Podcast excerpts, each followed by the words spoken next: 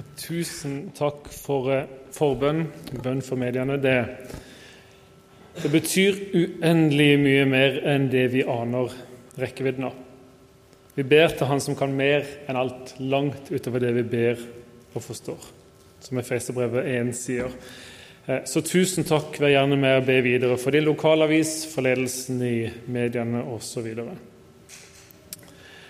Dagens tekst, Matteus 16, 24-27. Deretter sa Jesus til disiplene.: Om noen vil følge etter meg, må han fornekte seg selv, ta sitt kors opp og følge meg. For den som vil berge sitt liv, skal miste det, men den som mister sitt liv for min skyld, skal finne det. Hva vil det gagne et menneske om det vinner hele verden, men taper sin sjel? Eller hva skal et menneske gi som vederlag for sin sjel? For menneskesønnen skal komme i sin fars herlighet sammen med sine engler, og da skal han lønne hver og en etter det han har gjort. Jesus er jo en utrolig dårlig selger, syns jeg. Følg meg, sier han, og så, spør jeg what's in it for me? Hva er jeg tjener på det? Og så svarer han ja, om noen vil følge etter meg, må han fornekte seg selv, ta sitt kors opp og følge meg. Saklig. Som om at vi skulle ha lyst til det. Eh, og I Lukas 14 så gjør han jo ikke noe særlig bedre. Eh, om noen kommer til meg og ikke setter dette høyere enn far og mor, kone og barn, brødre og søstre, ja, høyere enn sitt eget liv, kan han ikke være min disippel. Den som ikke bærer sitt kors og følger etter meg, kan ikke være min disippel. Og rett etterpå sier han, slik er det altså. Ingen av dere kan være min disippel uten å gi avkall på alt han eier. Jeg har en dårlig sak, da, mener jeg. Eh, også som ikke det var nok, så sier han altså, i Johannes 12, 25. Den som elsker sitt liv, skal miste det. Men den som hater sitt liv i denne verden, skal berge det og få evig liv. En ganske heftig start på en tale, og i tillegg det på en fest da, for forsamlinga med dåpsbarn og festkledd dåpsfølge. Gratulerer med dagen, og jeg kunne nesten si unnskyld for denne starten, men, men jeg ikke det allikevel. Men, men altså, Jesus framstår som en kjempedårlig selger. Eh, fullstendig motstrøms i vår tid. YouTube sier 'broadcast yourself'. Reklamen sier 'fordi du fortjener det', eller 'because you're worth it'. Og sosiale medier, da. Alle de likesene som setter oss sjøl i sentrum av tilværelsen. Det handler om oss. Om selvrealisering, selvbekreftelse og om å være vellykka og lykkelig. Eller å fremstå vellykka og lykkelig. Og så sier Jesus, gi slipp på dette. Legg det vekk. Dø ifra dette. Jeg synes Det er litt merkelig at Jesus har fått så mange etterfølgere. Eh, hva vil det egentlig si å, sier, å hate sitt liv i denne verden? Eller å fornekte seg sjøl? Det er jo ganske krevende begrep å forholde seg til. For jeg har enda til gode å høre et, eh, et lovsangsteam stå med løfta hender og synge med innlevelse at 'jeg hater mitt liv i denne verden', mens forsamlinga synger med i begeistring. Eh, glem det neste gang, Jarle. Så tar du den. Men altså, det er noe med at det, nei, det, det resonnerer ikke inni oss. Det er, noe, det er, noe, feil. Ja, men det er ikke dette vi skal ha. Nå må vi liksom eh, Gud vil vel jo ikke at mennesker skal hate sitt liv? Han har jo skapt det. Han har jo, han har jo forma det, skapt det i sitt bilde. Og så leder han oss, og så fyller han oss med det som er godt. I Apostelens gjerninger 3 så, står det, så, så kalles Jesus for livets opphavsmann eller livets høvding eller en annen oversettelse for livets forfatter. Altså skulle, skulle han ønske at vi hater det livet som han har gitt oss? Og Når vi, når vi møter mennesker som har mista livsgnisten og, og, sier at de hater sitt liv, hver håp er slukka, så skal jo ikke vi bekrefte det som noe positivt. Livets høvding er en som vil gi liv og overflod. Jeg tror vi bommer hvis du mener at det er når Jesus snakker om å hate sitt liv i denne verden. Det må bety noe fundamentalt annerledes. Det handler ikke om å hate sitt liv. Og Det handler heller ikke om å forakte skaperverket eh, eller det jordlige, det, det materielle, som noe annenrangs, underordna det åndelige. Eh, Gud har skapt verden med fuglekvitter, hunder eller hester eller katter, hvis det er det, eller pandabjørner for oss som liker det. Eh, lukten av nyklippa gress er fantastisk. Eh, en klem fra ungene bare fordi de vil gi oss en klem, eller en fjellbekk som klukker når eh, snøen er i ferd med å smelte. Er jo fantastisk. Et varmt blikk fra ektefellen, eller eh, en god fotballkamp, eller når Start vinner altså, Det finnes en rekke grunner til å elske det skapte. Men enda mer å tilbe skaperen. Livsviktig forskjell. Men verden er mer. Når Bibelen bruker begrepet 'verden' Jeg tror det er litt viktig her å si at å hate sitt liv handler om her. Sier han, å hate sitt liv i denne verden. Og Da snakker han ikke om dette vakre som han har skapt, og som han lar oss glede oss over. Men når Bibelen bruker begrepet 'verden', så bruker han ofte i sammenheng med den falne verden. Alt det i verden som ikke handler om en klem fra ungene eller en god fotballkamp. Det destruktive, det som bryter ned, det som fører bort ifra Gud, det som ødelegger relasjonen, det som vi i kristne termer kaller for synden, og som ikke bare er kristne termer, men som er en realitet. Det er det vi kalles til å dø ifra. Det er det vi kalles til å hate, til å gi til Jesus, til å få tilgivelse for. Vår egoisme, vår selvhevdelse, våre moralske brister, våre løgner, vår manglende kjærlighet til Gud og våre medmennesker. Uten at vi dør, så kan ikke det nye livet, det evige livet, vokse frem i oss. Skulle vi ønske å tviholde på det som ødelegger, bryter ned, ondskapen, det som er mørkt, og som vi har blitt lurt av og til til å tro at det er lyst Jesus kommer oss og kaller oss til et helt annet liv. Til å Legg fra deg dette. Du er ikke kalt til å bære det. Du tror kanskje det er lyst, men det ødelegger. Zakarias ble båret til dåpen i dag, og vi hørte fra Romerne 6. Eller vet dere ikke alle at vi som ble døpt til Kristus Jesus, ble døpt til hans død? Vi ble begravet med ham da vi ble døpt med denne dåpen til døden.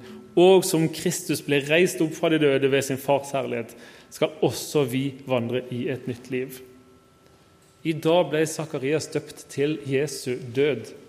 Jesu død ble Sakarias sin død. Jesus' seier over djevelen han døde på korset, ble Sakarias sin seier. Da Jesu utsletta verdens synd ved sin død, så fikk Sakarias ta del i det, og han skal få leve hver eneste dag. Ren, fri, fullkommen på grunn av Jesus. Og det gjelder ikke bare Sakarias. Vi kalles til å dø. Og Det gir oss et merkelig paradoks, for nettopp i denne døden så finnes livet. Så finnes friheten. Og Det er fristende, og jeg visste ikke om jeg skulle våge å nevne det, fordi det er et eh, betent tema, kanskje ikke akkurat innenfor de dørene her. Men det har nettopp vært Pride-dager i Bergen.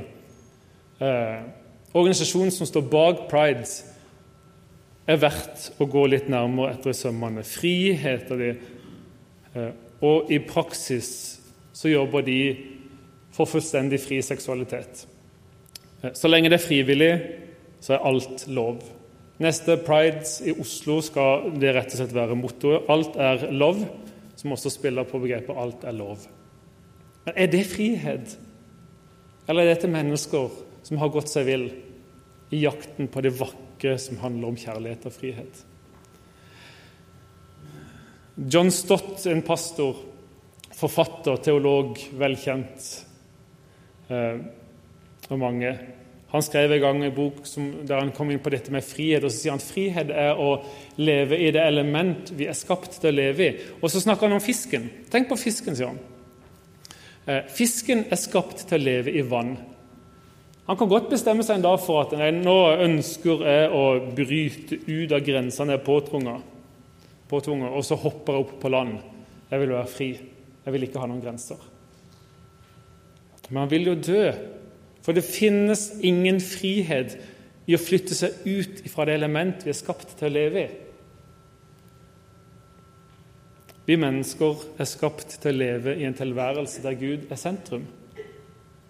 Paulus sier Apostelgjerningen 17.: For det er i Ham vi lever, beveger oss og er til. Det er vårt element. Der er friheten. Der er gleden. Der er livet. Og når vi flytter oss vekk fra det elementet og sier at nei, vi vil være i sentrum, så dør vi. Derfor ber vi i Fader vår, la navnet ditt helliges. La ditt rike komme, eller riket ditt komme. La viljen din skje på jorden slik som i himmelen. Men vi lever i en verden som er preget av synd, som har mennesket i sentrum. Vi har klatra egentlig siden Adam og Eva først ønska å bli lik Gud og spiste av frukten på treet. Det handler om klatring. Babels tårn. Kom og la oss bygge en by og, et tårn som når opp til himmelen, og skaffer oss et navn, så vi ikke blir spredt utover hele jorden. La oss skaffe oss et navn. Jeg syns jeg hører fortsatt ekko i dag, i en hverdag der vi ønsker å lykkes, der vi ønsker å være vellykka, der vi ønsker å bli anerkjent og bekrefta. Ja, det er til og med hvis vi har en mediehverdag der kjendisstatus har en egenverdi. Har dere merket Det finnes en egen kategori med kjendiser som ikke du helt vet hvorfor er kjendiser. Og bare fordi de en gang ble det. Og du husker ikke helt hvorfor. Ja, hva er han kjent for? Nei, nei. kjent for å være kjent. Det fins en egen kategori med sånne mennesker. Jeg skal ikke liksom sette navn på men, men eh, kjendisstatus har en egenverdi. Vi drømmer om å bli kjent og beundra. La oss skaffe oss et navn, sa folket i Babel og klatra. La oss skaffe oss et navn, sier vi i dag. I et sånt jag etter å bli tilværelsens sentrum. etter å Så er vi våre egne avguder.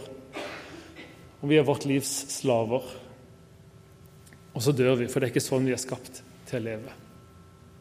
Livet fins et annet sted. Livet finnes ved å dø. Filipperne 1, sier Paulus. Han hadde, han hadde smakt i dette, og så sier han men for meg er, Å leve er for meg Kristus, og å dø er en vinning. Men hvis jeg får bli i live, kan jeg gjøre et arbeid som bærer frukt, og da vet jeg ikke hva jeg skal velge. Jeg kjenner meg trukket til begge sider. Jeg lengter etter å bryte opp og være sammen med Kristus, for det er så mye, mye bedre. Og så fortsetter han å konkludere med at men for tjenestens skyld så, så blir han på jorda fortsatt. Det er ingen sånn makaber dødsromantikk fra Paulus her, der han sier at ja, nå, nå ønsker jeg bare å dø. Nei, han har perspektiv over livet, og så sier han Kristus er livet for meg. Og jeg lengter etter å være sammen med han. For det er elementet vi er skapt til å leve i, med, med Gud som sentrum, og i hans nærhet. En dag i dine forgårder er bedre enn tusen andre, sier salmisten. Og jeg tenker, Han må ha smakt et eller annet her. Han må ha smakt noe som sier at hvis vi bare kan nærme oss Gud i livene våre Hvis vi bare kan få lov til å la Han få bli sentrum, og vi kan dø fra oss sjøl så møter vi noe som sprenger grensene våre. Galaterne 2, 19-20, så, så hører vi noe om identiteten Paulus har, og som forklarer litt av Jesu ord om å fornekte seg sjøl. Jeg er korsfestet med Kristus. Jeg lever ikke lenger selv, men Kristus lever i meg. Det livet jeg nå lever som menneske av kjøtt og blod, det lever jeg i troen på Guds sønn som elsket meg og ga seg selv for meg. Og I dette lyset så må vi se at det å fornekte seg selv og ta sitt kors opp og hate sitt liv i denne verden, det handler om å gå til Golgata og der får livet snudd opp ned. Blir korsfesta med Han og reist opp til et nytt liv der synden ikke skal ha plass. Der selvhevdelsen, egoismen, de moralske bristene blir korsfesta, utsletta, og vi skal få dø med Kristus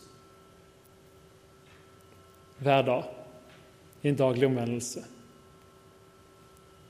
Jeg tror at bekjennelsen til Paulus er noe vi må bekjenne hver dag. Sakarias ble båret til dåpen i dag, ufortjent, uten egen innsats. Det er nåde. Og nåden skal bære oss gjennom hele livet. Samtidig så må vi velge sjøl. Det, det vil aldri være påtvungen. Vi må velge sjøl om det nye livet skal vokse, om det skal få næring.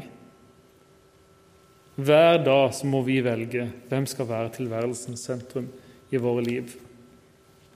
Vers 27 sier Jesus.: For menneskesønnen skal komme i sin fars herlighet og sammen med sine engler. Eh, sammen med sine engler. Og Da skal han lønne hver og en etter det han har gjort. Og jeg tenker heiende, hva jeg har gjort, skal lønne meg etter hva jeg har gjort. Eh, men det er jo ikke det vi har liksom lest om masse andre steder. Da må jeg ta meg sammen. Da har, okay, da har jeg forhåpentlig noen år til å skjerpe meg på. Hva, hva, er det vi har gjort? Hva er det vi vil peke på som grunnlag for at jeg skal få det evige livet i lønn? Vil jeg peke på Jesus, men samtidig i praksis være herre i mitt eget liv? Med Jesus som en livsforsikring i lomma mi, som en slags sovepute og en unnskyldning for at jeg kan fortsette som før. Det er langt ifra Bibelens forkynnelse om å dø for Han. Ja, men Vil jeg ellers peke på mine egne gjerninger da? Og tenker at jeg skal jo bli lønna etter det jeg har gjort, og så får jeg håpe det er godt nok. Og Vi som har vært her noen ganger, vi tenker at nei, det svaret på det er jo nei. Og jeg tror at det vi har gjort, handler om har vi tatt vår tilflukt til Jesus. Har vi gått til Golgata med alt som ikke vi klarer å fikse sjøl, og der blitt korsfesta med Kristus? Når, Gud, når Jesus kommer igjen for å hente sine, hva vil han se? Når Gud ser på oss og våre hjerter, hva ser han? Ser han oss? Eller ser han Gud, ser han Jesus, fordi vi er korsfesta med han? What's in it for me, spør vi. Du finner livet med å miste det, sier Jesus. Og så kommer han med de to ordene som alltid innebærer et valg for oss. Som hver dag innebærer et valg for oss. Følg meg. Amen.